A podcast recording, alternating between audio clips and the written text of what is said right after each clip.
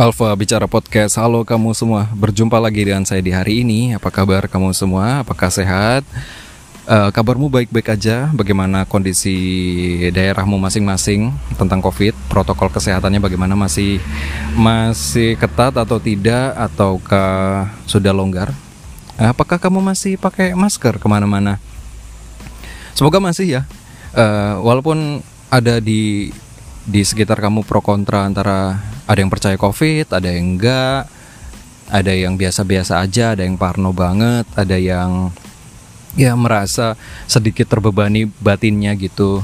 Lalu merasa sedikit uh, mengklaim dirinya bahwa saya ini depresi banget gitu punya punya beban yang berat banget. Kalau uh, di masa-masa sendirian gitu nggak boleh ke mana-mana. Tapi kayaknya sekarang udah boleh ke mana-mana kan. Seharusnya sih nggak ngerasa seperti itu lagi.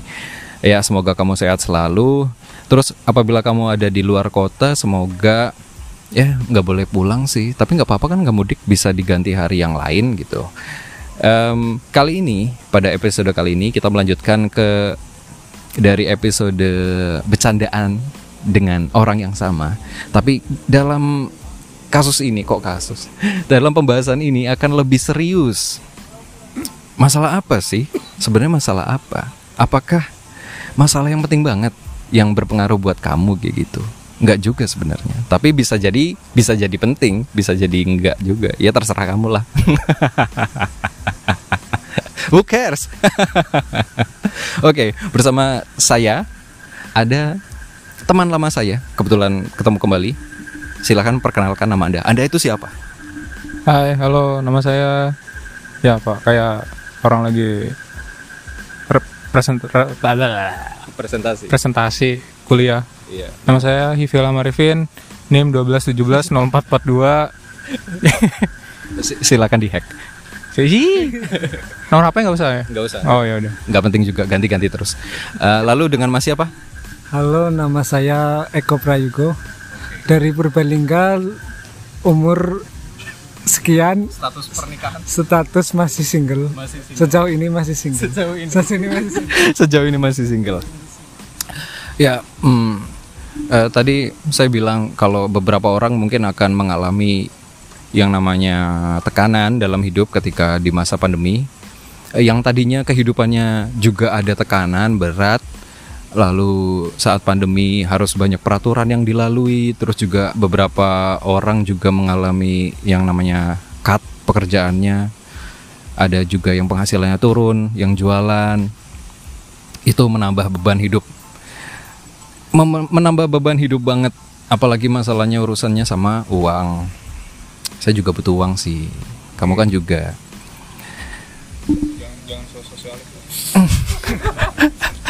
ini nyerempet-nyerempet masalah ini. Uh, Marx, Karl Marx. ya, kemarin-kemarin tuh ada teman salah satu teman saya juga dia update uh, buku kan. Yep. Update buku gitu, update uh, status Instagram. Hmm. Buku salah satu uh, bapak pendiri bangsa juga. Soekarno. Bukan. Madilok Pak, Tan oh. Malaka. Oh, Tan oh, saya juga update itu sih. Oh wow. wow. Kenapa nggak boleh? Hah? Terlalu merah pak. Hmm. terlalu merah. Oh ya by the way sebelumnya Mas Vivi kan uh, kuliah di jurusan sejarah ya. Uh, kebetulan juga punya hobi baca dan mengoleksi buku juga soal sejarah. Jadi menurut saya pengetahuan sejarah teman saya ini agak lumayan sih. Nggak lumayan lagi lebih dari saya kayak gitu uh, buktinya ya dia tahu soal buku merah, sosialis, Karl Marx kayak gitu. Masih butuh duit kan? Masih butuh duit. Oh iya iya udah udah udah masih butuh duit.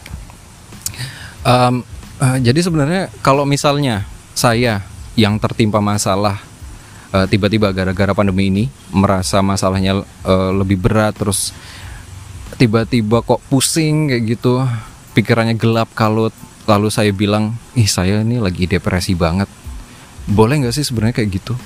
Kalau menurut kamu? Uh, ya, aslinya sih kayak orang bilang kan apa namanya? Oh saya depresi nih, saya kena tekanan batin, kena mental lah kalau yeah. anak Free Fire sekarang. kena mental, kena damage, kena damage, pure damage. kena mental langsung kena batinnya gitu aduh gara-gara covid nih saya jadi begini aduh gara-gara ya entah covid entah apa ya pak entah masalah apa pun itu sebenarnya kalau menurut saya pribadi fine fine saja dia bisa bilang begitu Yep. oh saya depresi oh bla bla bla bla bla but keep it to yourself man kayak ya udahlah ya, ya, ya, udah tinggal anda yang menikmati saja ya. Hmm. tanpa harus diupload ke eh, Instagram atau WA atau lain-lain biar semua orang tahu gitu Oh gitu. ya Eh, tapi eh, sebenarnya juga masuk sih. Saya juga punya kecenderungan buat itu. Pamer pamer Bukan pamer, tapi ketika ada di media sosial kayak gitu, ketika sedih apa senang, saya itu eh, punya kecenderungan buat ekspresif. Pengen orang lain tahu gitu. Nih saya lagi sedih kayak gitu. Eh, nih saya lagi seneng. Kalau saya nganalisis, ngambil hipotesa asik. Asik. Hipo- hipotesis kayak gitu, dugaan awal. Saya tuh kayak seperti butuh perhatian kayak gitu. Menurut Mas eh, Eko ya? Oh ya, ini belum dikenalin. Eh udah ya? Udah, udah, udah, udah. Oh, oh ya. Tadi Mas Bambang. Tadi di Pak Eko. Kalau menurut Mas Eko gimana? tentang depresi. Iya, tadi saya kan butuh perhatian. Iya. Kalau kebanyakan orang depresi itu emang kebanyakan kurang perhatian sih.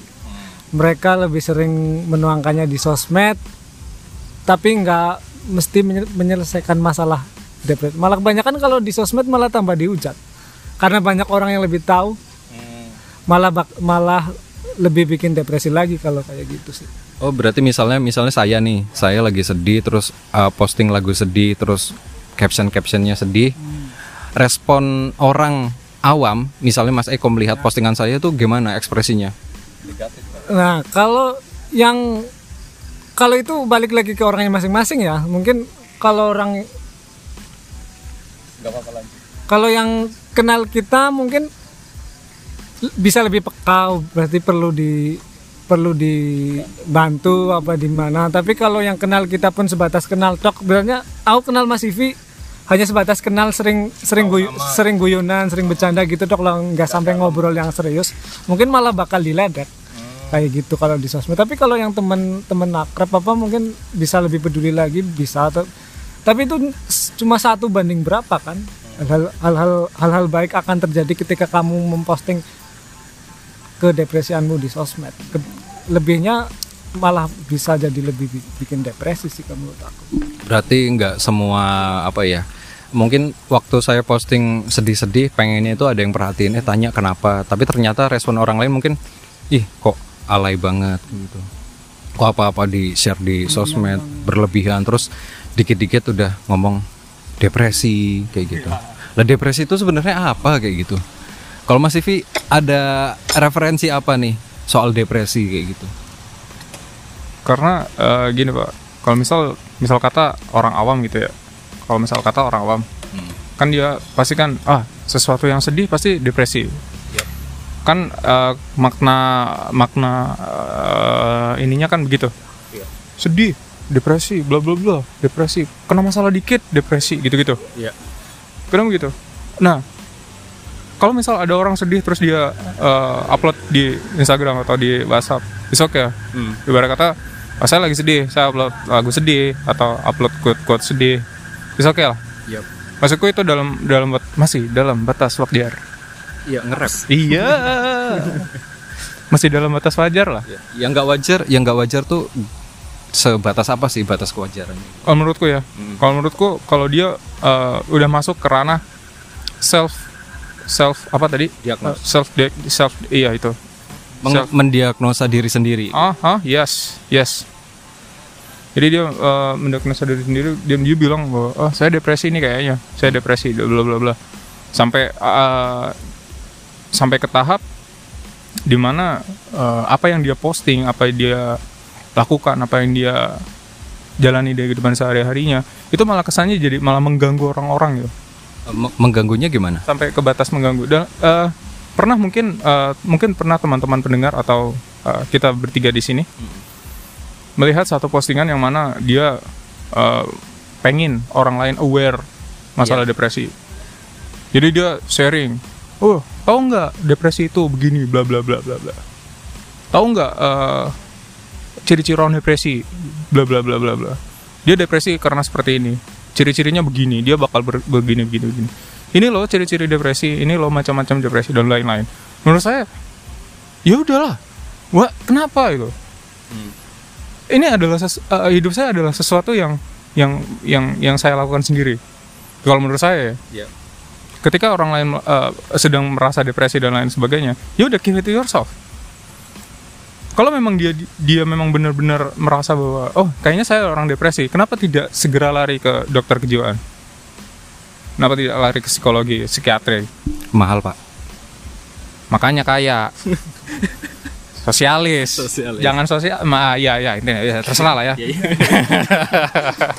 kenapa nggak kapitalis ya Eh, iya sih, kalau eh, saya mencontohkan diri saya sendiri aja deh, yang kayaknya sih punya kecenderungan buat itu. Kalau seneng itu kayaknya euforianya pengen saya bagi ke sosmed, kalau sedih juga kayak gitu. Saya pengen menunjukkan rasa sedih gitu biar paling nggak ada yang perhatian gitu. Tapi ternyata respon yang didapat tuh berbanding terbalik, malah nggak pada perhatian ke saya, malah pada jijik kayak gitu. Ini apa sih alay banget kayak gitu? Mungkin ya karena responnya nggak saya lihat sih ah ya jelek sih. Kalau menurut Mas Eko ada pendapat apa lagi? Kalau soal depresi semua orang pasti pernah melewati masa-masa depresi. Dan depresi yang alay pasti setiap orang juga pernah ngelewatin itu ya. Dan jangan diremehin seberapa berat depresimu sama dia nggak sebanding ya. Jangan dire- diremehin kalau kayak gitu. Rasanya sama aja orang walau masalah sepele tapi depresi tapi bisa sampai pusing banget itu juga bahaya. Nggak kita nggak bisa. Kalau menurut aku kalau pas aku lagi depresi sih keluar rumah jangan mengurung diri di kamar. Maksudnya minimal walaupun kita belum bisa curhat ke orang lain kita bisa melihat pikiran kita bisa lebih segar bisa dengan melihat keadaan sekitar gitu bahwa kita nggak sempit banget gitu loh hidupnya. Pikiran kita nggak sempit banget gitu. lebih terbuka aja gitu aja sih. Oh berarti ya bisa dibilang kalau misalnya orang merasa depresi atau atau mungkin eh, belum masuk tahap depresi tapi bilang diri di- diri sendiri depresi kayak gitu. Mungkin lagi down lah mentalnya kayak gitu. nggak boleh ngurung diri. Iya, dan itu bakal lebih down lagi. Karena kalau mengurung diri bakal lebih down lagi, bak- bakal lebih dipikirin lagi, jadi mentalnya bisa lebih kena lagi itu bahaya banget sih menurut aku. Kalau dipendem sendiri apalagi ya. Hmm. Ya berarti nggak semua rasa sedih itu kan bisa dikategorikan depresi kan? ya itu pak ibaratnya kayak kayak tadi lah ibarat kata anak free flyer kan kena mental A- Anak Free Fire terus. F F F free fire eh kok free fire Free Fire. Kok Free Fire? kena mental. Nah, eh, dan yang kan sekarang depresi jadi kayak trending. Iya banyak banget dipakai untuk ya istilah yang lagi naik banget karena beberapa akun psikologi dan apa ya pembicara yang tenar kayak gitu kayak channel misalnya satu persen atau dan lain-lain itu membahas masalah depresi macam-macam kayak gitu Jadi kan karena sekarang kan eh, apalagi milenial ya. Yoi. Wih, anak free fire. sekarang eranya udah Gen Z mas Oh iya gini. Ayo Bagi, bagi skin alok. bagi sekian Ma, katanya tadi serius Oh iya iya. Eh, karena kan sekarang eh, generasi milenial kan gampang eh, bukan generasi milenial kan ada ada di Indonesia adalah generasi pasar. pasar Eh, jadi eh, tujuan pasar. dominan lah ya Eh, tujuan pasar produk ya Indo- eh, di Indonesia ya milenial. Iya. Ba- eh, baik di Indonesia maupun di luar lah. Nah sekarang yang lagi dijual eh, oleh orang-orang katakanlah orang-orang yang berada di, berada di luar sana lah di atas sana lah ya. Karena saya salah satu salah satu penganut teori konspirasi. orang-orang di atas sana Iya. Pem- pemilik pemilik satu persen itu. Oh, iya. Rothschild Rothschild. malah Illuminati Jadi eh, salah satu targetnya kan orang-orang eh, anak-anak milenial. Yup. Nah, dan salah satu yang sedang di di up di dikasih up, dikasih panggung, eh, di hits kan Hmm. adalah depresi dan dampaknya. Iya. Kadang gini. Masalah sepele. Ada masalah nih sepele. satu hal lah yang yang yang menurut saya sepele menurut saya sepele nggak nggak terlalu terlalu eh, nggak terlalu terlalu gede-gede amat lah kayak ibaratnya sama orang tuanya dia dapat berat nih saya dapat ranking 2 terus sama orang tuanya dia orang tuanya cuma bilang oh ya udah ranking 2 kok. Nggak nggak nggak terlalu oh selamat ya kamu dapat ranking 2 nah hanya karena seperti itu kemudian dia bilang wah ini rumah tangga yang kacau nih atau dia kemudian ngeluh gitu ah, rumah tangga eh, bapak ibu saya bla bla bla bla bla bla mereka nggak perhatian dan lain-lain kemudian dibilang eh, hal tersebut dia ceritakan hal tersebut di media sosial dan bla bla bla bla. Kemudian dua bulan berikutnya dia bilang bahwa dia eh, saya depresi kan orang tua saya seperti ini bla bla bla. Menurut saya inilah yang disebut dengan toxic depression. Eh, lebih jadi untuk mengangkat industri, ah. Industri depresi. iya betul. Jadi kayak Indo, eh, depresi itu kayak jadi gorengan gitu loh pak Hmm. dijual murahan gitu bukan sesuatu yang yang memang ini penyakit gitu. Iya. jadi orang-orang anggapnya kayak depresi itu ya semua orang bisa kena depresi itu kayak hal-hal murahan yang ya bla ya is normal gitu mereka jadi menghilangkan sifat asalnya dan depresi itu memang harus pergi ke psikiater Hmm. ke, psiki- ke psikologis eh psikologis apa namanya pak ya psikiatri lah ya Psikolog. psikolog ya betul pergi ke sana mereka menghilangkan esen-esen itu dan kemudian mengaku bahwa saya kena depresi loh depresi saya jenisnya ini Dari data yang diambil lewat internet. gitu. oh dari data-data yang diambil dari artikel-artikel yang dia baca dia kemudian bilang seperti itu kemudian dia meng-share artikel tersebut Seolah seorang pakar. seolah seorang pakar dan seolah dia adalah penderita depresi yang akut Akut. Yang sudah sembuh dan harus dan harus iya dan harus apa ya kayak eh, biar orang lain melek lah masalah depresi gitu-gitu. Iya. Nah menurut saya orang-orang seperti inilah anak-anak seperti ini anak-anak Free Fire inilah yang harus diberantas. gitu. Ya memang apa ya? Kalau eh, saya saya juga kadang suka tertarik te- tentang soal depresi itu, soal kejiwaan dan mental. Eh, ketika saya baca satu dua artikel ya agak ya memang sepertinya betul, memang sepertinya kok menarik kayak gitu. Tapi lama kelamaan eh, melihat fenomena yang ada di masyarakat di sekitar kok lama-lama jadi apa ya gerak lingkup kehidupan tuh jadi makin banyak bordernya misalnya. Kalau misalnya sama teman kayak gitu body shaming dikit misalnya. Hei hei gendut. Hei item hei itu jadi nggak boleh misalnya. Ah, ya, ya. padahal sebelumnya ya memang bully mah nggak boleh bully mah nggak boleh. Tapi dalam takaran misalnya teman akrab kadang kan eh, panggilan jelek panggilan ini kan normal, Normal. like normal lah. Eh, cara yang normal. Dan mereka juga bisa balas kayak gitu. Itu jadi kalau kalau di pembahasan soal kejiwaan psikologi itu jadi nggak boleh. Kita itu jadi harus lebih banyak border dalam berkawan kayak gitu. Hmm, jadi kayak kok rulesnya jadi makin ribet makin banyak. makin banyak dan makin nggak leluasa kayak gitu. Eh, ya itu, iya betul juga pak. Eh, kadang begitulah. Ada orang-orang yang kemudian melek secara eh, psikolog psikologis, Iya. melek gitu kan, karena dia baca-baca artikel bla bla bla bla, dia baca artikel ini itu itu bla bla bla, pengen semua orang aware mengenai hal-hal tentang psikologis dan lain-lain, termasuk di antaranya bully membuli, body shaming, yang menurut saya nonsense, full of bullshit lah. Oh ya. dan eh, mohon maaf sih. Pertama pertama-tama saya mohon maaf nih. Walaupun sudah teman akrab, tapi saya mau mohon maaf juga. Takut takut ada yang nggak terima kayak gitu ya. Ini Eh, pendapat pribadi lah. Iya pendapat pribadi dan eh, mohon maaf sendiko dawuh lah. ya. Permisi. Kalau soal body shaming, kalau buat teman-teman yang nggak tahu, Mas Ivi kan juga punya ada sedikit kekurangan gitu. Ya bukan kekurangan lah, eh, bawaan lahir seperti itu. Eh, pernah nggak sih misalnya pernah? Di, di, jela- Di- dijelasin aja pak. Iya, kok. disabilitas. Iya bukan. Ya ya mungkin bisa di, memang memang itu eh, kalau dikategorikan masuk itu masuk itu masuk itu disabilitas. disabilitas. Jadi keadaan ada bagian tubuhnya yang mungkin tidak seperti kita gitu. Eh, ketika pertama kali pertama kali eh, ada bulian pernah nggak dibully kayak gitu? Maksudnya pertama kali dapat bulian itu kapan? Terus responnya itu seperti apa kayak gitu? Eh, bully. Saya terlahir eh, dengan keadaan yang tidak seperti yang lain Yep. tidak seperti yang lain dalam artian eh, ada bagian tubuh saya yang tidak normal kalau dibilang bully berarti saya terlahir dengan bully terlahir pun sudah dibully menurut para pakar psikologi Ya. Karena imbasnya bukan langsung di saya kan Hmm. dari di- imbasnya di keluarga Hmm. Wah lihat nih anaknya ibu XXX tangannya atau ah, bagian tubuhnya kok begini? Berarti kan saya terlahir dengan terbuli. Terlahir terhina.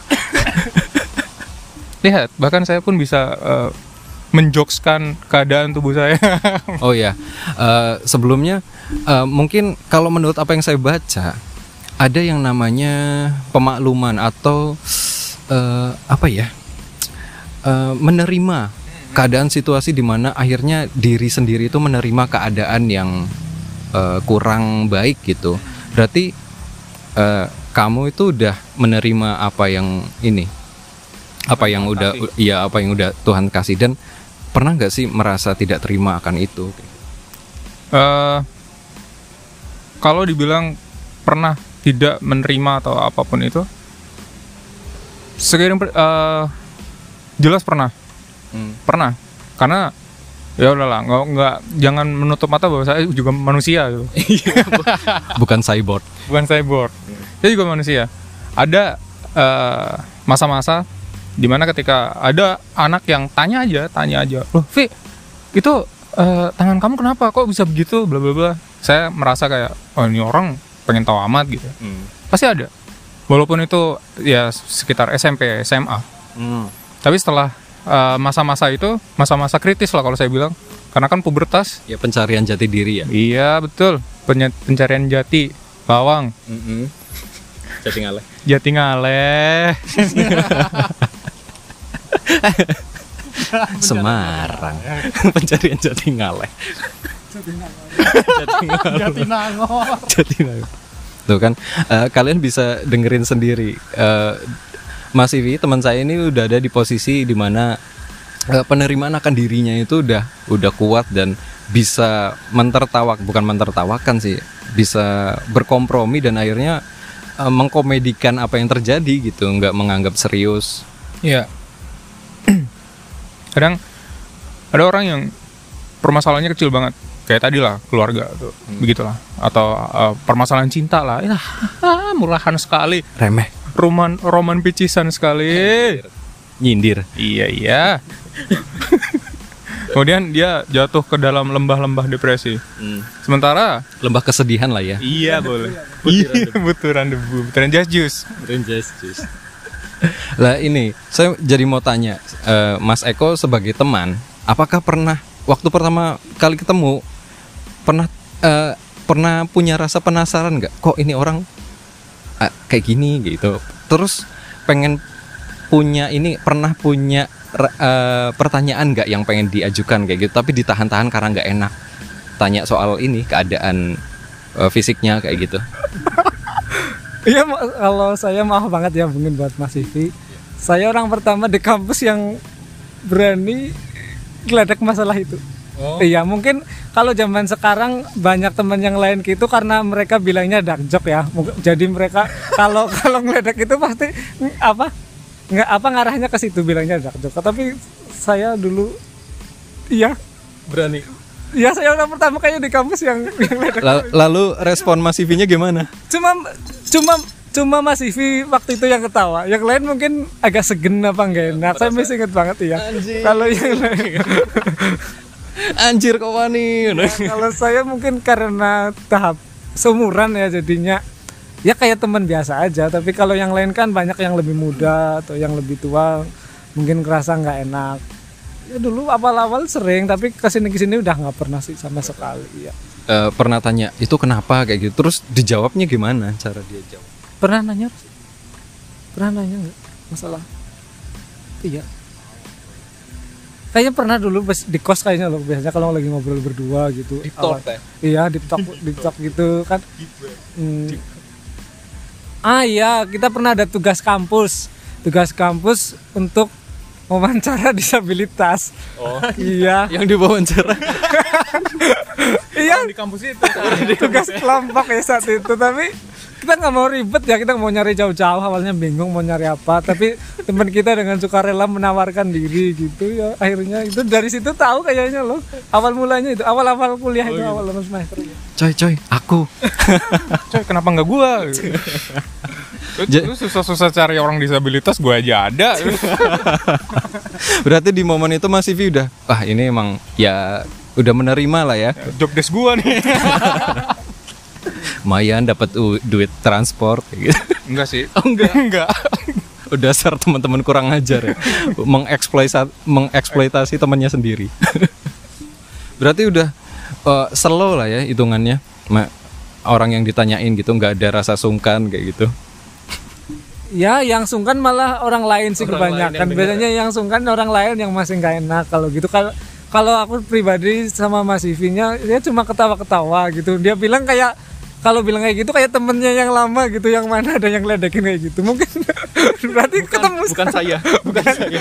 katanya pernah diledek gitu juga dulu gitu. Kalau kalau kalau saya sih belum pernah sih. Saya jujur termasuk orang yang sungkan buat buat nanya, tapi cukup ngerti lah. Tapi pernah tanya itu kenapa dan sejarahnya gimana. Tapi ya waktu di tahap apa ya, udah deep talk kayak gitu, ngobrol yang dalam. Kalau di guyon takutnya tersinggung, apalagi kan kita pernah berantem maksudnya, pernah pernah marahan kayak gitu, takutnya tersinggung lagi. Jadi eh, belajar dari itu buat hubungan pertemanan yang lebih baik, ya saya harus belajar ya mungkin ada batas kayak gitu. Cuma kalau Mas Eko lebih menerobos batas yang saya buat buat diri saya sendiri ya berarti eh, apa ya lingkupnya kelasnya itu udah berbeda gitu mungkin keberaniannya udah jos.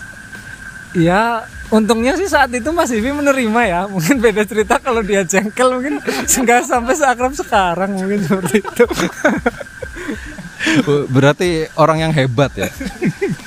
itu waktu kamu ditanyain seperti itu antara kesel atau gimana? ya ya bagaimana pak maksudnya gini loh dari sejak saya kecil sejak mengenal orang lain bicara saya tahu artinya Hmm. Dari situ dari mulai itulah saya paham gitu loh nggak semua orang bisa baik ke saya walaupun saya udah baik ke dia Hmm. ada orang-orang juga yang bilang wah Ivil tangannya begini bla bla bla itu kecil bulian anak kecil sama bulian anak dewasa beda pak Hmm. lebih lebih sakit bulian anak kecil Ah. karena lebih kekanak-kanakan buliannya Dan eh, belum belum menerima ya? waktu itu belum Belum. belum dan itulah sebabnya eh, peran dari orang tua saya saya orang yang pertama saya sebut orang tua Iya. kenapa saya bisa keluar dari eh, apa yang orang bilang jurang depresi itu Yep. pertama orang tua orang tua selalu memberikan apa ya namanya Eh, suplemen lah Support. support Support system. support system Hmm. jadi orang tua selalu bilang bahwa kamu nggak nggak berbeda dengan orang lain. Maksudnya apa yang orang lain kamu eh, apa apa yang orang lain bisa kamu pasti bisa. Walaupun tingkatannya berbeda. Mereka ah, ah, di di akhir katanya bilang begitu. Walaupun tingkatannya berbeda. Berarti kan apa yang Mas Eko dan Mas Alfa bisa saya bisa. Walaupun levelnya beda. Tapi kan paling Tapi minimal minimal saya bisa. Iya. dan dan hal itu yang membuat apa yang orang lain bisa lakukan kenapa saya enggak Jadi lebih kuat. Heeh. kenapa orang lain bisa sekolah di negeri kenapa saya enggak Hmm. Kayak gitu lah dan ya kenapa orang lain mau ngelakuin ya kalau saya dulu inget banget bercandaan pertama Mas Ivi tentang fisiknya ya waktu itu lagi ngukur pintu panjangnya pakai tangan kiri. Terus saya bilang coba pakai tangan kanan gitu. Inget banget itu di sekre waktu itu. Sekre lagi ngumpul gitu kayaknya lagi ngukur masalah apa gitu pakai tangan kiri gini berdiri. Terus tiba-tiba Caca nggak tangan kanan gitu. Cuma dia cuma masih yang ketawa aku inget banget itu. Yang lain Yang lain diem. nggak? bisa kan diem biasa. Biasa aja dia senyum. Kalau nggak salah Waktu itu kamu kesel nggak? Kesel nggak? Kesel enggak pak Enggak? karena itu apa ya apa eh, kata-kata seperti itu yang yang yang eh, yang dalam pribadi saya Hmm. itu kayak mindsetnya oh ini orang asik juga gitu Hmm. aslinya ah, karena teman yang sebenarnya yang memang benar-benar membangun support system Hmm. bukan orang yang datang ketika kita lagi senang aja Oh iya. jadi pas kita lagi ada kurangnya ya jadi dia tahu kurang kita Hmm. Jadi nggak pas lagi kelebihannya oh mahasiswa bisa begini begini bla bla bla tapi kekurangan kita nggak tahu Hmm. itu malah kayak jadi teman yang bahaya gitu Yang apa ya? Memuji-muji terus kayak gitu. iya lip service Lip service. mantap Friend service. ihey Teman yang di service. mungkin kalau kalau aku saat itu ngerasanya Ivi bisa dibecandain seperti itu sih mungkin kalau ke orang lain pun nggak berani maksudnya berani ber- berani bercanda gitu kan cuma cuma sama Mas Ivi gitu loh kalau ke orang lain pun aku nggak kayak gitu, gitu. Karena udah udah nganggap Iya, kayaknya iya. kayaknya bisa bisa, lah ya, nah kayaknya channel bisa kayak gini ya. gitu dan gak ada niat buat ngehina sedikit Oh, bukan Kayak gitu. eh, konteksnya bukan hinaan ya. kan niat nggak ada niat keakraban kayak gitu. iya nggak ada sama sekali niat menghinakan hal itu gitu sih Eh, ya eh, mungkin guyonan kayak gitu ketika di deskripsi eh bukan ketika dijelaskan ini bukan hinaan tapi guyonan kayak gitu itu mungkin orang bisa ngerti. Tapi misalnya orang awam orang yang di luar circle pertemanan kalau ngedengerin gitu kan kayaknya ah ini pelanggaran nih. Ini nih. bully nih bully. Terus diangkat di Twitter misalnya dilaporin kayak gitu ini orang pembuli pembuli disabilitas kayak gitu padahal di circle-nya nggak nggak kenapa-napa tapi jadi masalah di Nah, luar kalau untuk mungkin kalau ada hal seperti itu udah lama ya kali masuk penjara. iya beneran pak karena namanya body shaming Iya. nama eh, pembulian secara verbal Mm. verbal fisik dan lain sebagainya tindakan kurang menyenangkan tindakan kurang menyenangkan pencemaran nama baik itu adalah hal sehari-hari yang kita lakuin Hmm. jadi apa ya kalau ibarat kata anak-anak Twitter social justice warrior Iya. mau berangkat dari situ wah ini circle nggak benar nih gitu Hmm. bullshit mungkin kalau menurut aku, menurut aku kalau disebut circle nggak bener itu kalau yang bikin depresi itu sih balik lagi. Hmm. Tapi selama kamu nyaman, kamu bahagia di situ, kamu nggak kamu nggak merasa terbuli dan nggak tersiksa sendirian. Maksudnya selain kamu diledekin, kamu masih bisa ngeledekin teman-teman yang lain itu masih masih circle yang aman sih, nggak nggak nggak circle yang negatif enggak. Ya sih, berarti emang harus benar-benar kenal dulu dan tahu konteks ya. Nggak langsung menjudge, oh orang ini kok circle-nya jelek, eh, gaya bertuturnya nggak dipikir, nggak punya otak kayak gitu ya. Iya, kalau eh, saya lihat ya memang tadi depresi udah jadi kayak semacam industri. Terus saya tadi juga bilang kalau misalnya yang beneran depresi, biaya buat ke psikolog, psikiater itu kan mahal. Dan nggak semua orang mampu dan mau kayak gitu buat ngeluarin. Apalagi ini urusannya jiwa bukan fisik. Dari fisik nggak kelihatan jiwanya itu ya nggak tahu. Tapi kalau menurut saya sih dari apa yang saya baca memang ada beberapa orang yang depresi karena emang ada kelainan kimia di kepala di otaknya mungkin kayak gitu ada. Cuma kalau untuk setiap kesedihan atau kepahitan hidup itu selalu dianggap depresi juga kayaknya nggak nggak nggak tepat juga kadang-kadang. Apalagi sampai self diagnose diagnos diri sendiri. Lalu juga akun-akun motivat motivasi motivator buat yang melek soal psikologi dan uh, self apa ya pengenalan diri sendiri soal kejiwaan itu kadang juga mereka membagikan ilmu juga tapi di sisi lain juga mereka itu jualan produk mereka jasa mereka buat healingnya buat webinar buat macam-macamnya. Mereka nyari duit juga kayak gitu. Eh, sesi inilah sesi apa namanya? Sesi uh, jawab. tanya- tanya- Intimate. uh, iya iya betul. Intimate time. Intimate time. Eh, Mas Eko ada pendapat soal itu Kalau buat depresi sih, kalau aku sendiri, kalau ketika depre harus ada solusinya sih. Kalau aku lebih ke nyari pelampiasan. Maksudnya karena karena kita yang depresi pun nyari pelampiasan nyari pelampiasannya yang nggak jauh-jauh dari kita. Ka- Kalau kayak aku hobinya olahraga ya aku olahraga. Kalau buat kalau buat lihat motivator-motivator gitu, mungkin nggak semua orang bisa masuk ya. Ada yang dapat motiv motivasi apa pun dari orang lain nanti paling di pikirannya ada ah kamu nggak pernah ngerasain aku yang ngerasain pasti ada pikiran-pikiran seperti itu jadi kalau aku buat buat kalau depresi ya nyari pelampiasan aku suka olahraga olahraga jogging nge-gym hi- hiking kayak gitu sih itu ampuh banget kalau buat aku. Ya berarti harus ada pelepasan energi gitu ya daripada dihabiskan buat ke hal yang negatif atau mengurung diri. Oke. Eh, eh, apa namanya? Disclaimer dulu bahwa kita ini bukan expert masalah itu, kita juga nggak me- ngecap jelek mendalami ilmu itu, kita Kalau juga salah, ya. Sal- kalau salah mohon maaf, mohon setiap orang beda-beda Iya. gitu sih. Ini cuma sudut pandang kita aja. eh, bukan untuk menyudutkan yang namanya SJW kan ngeri juga nih kalau dibully SJW kan ya. Ini bukan untuk mendiskreditkan SJW itu salah. Ya mungkin ada yang benar, tapi mungkin ada cara yang salah gitu. Mungkin kami juga salah juga, tapi ya moga-moga ada benernya juga dari sudut pandang orang lain kayak gitu. Eh, jadi untuk penutup eh, apa kira-kira yang mau Mas Ivi dan Mas Eko sampaikan? Pertama Mas Ivi dulu nih. Eh, Kesimpulan lah. kesimpulan lah ya Hmm. intinya jangan pernah self diagnose masalah depresi karena depresi itu sesuatu yang memang benar-benar berat gitu. Itu sesuatu yang memang benar-benar bersifat pribadi lah privacy. Hmm. private. Ranah private. Itu sesuatu yang kamu benar-benar alami. Jadi kamu tahu sendiri harusnya kamu mengerti. Dan ya tolong lari la- kalau mau eh, lari ya lari ke ahlinya. Yap. self self diagnose malah bakal jadi orang bikin orang lain ilfeel. Karena setiap hari kamu harus posting ini biar orang lain melek depresi. Eh, itu nggak bakal narik simpati mereka lah. Termasuk saya. Itu malah jadi bikin kayak saya jadi tambah ilfeel gitu. Tidak menemukan solusi lah. tidak menemukan solusi sama sekali. Malah makin berlarut-larut. malah berlarut-larut. Karena setiap orang pasti punya solusinya.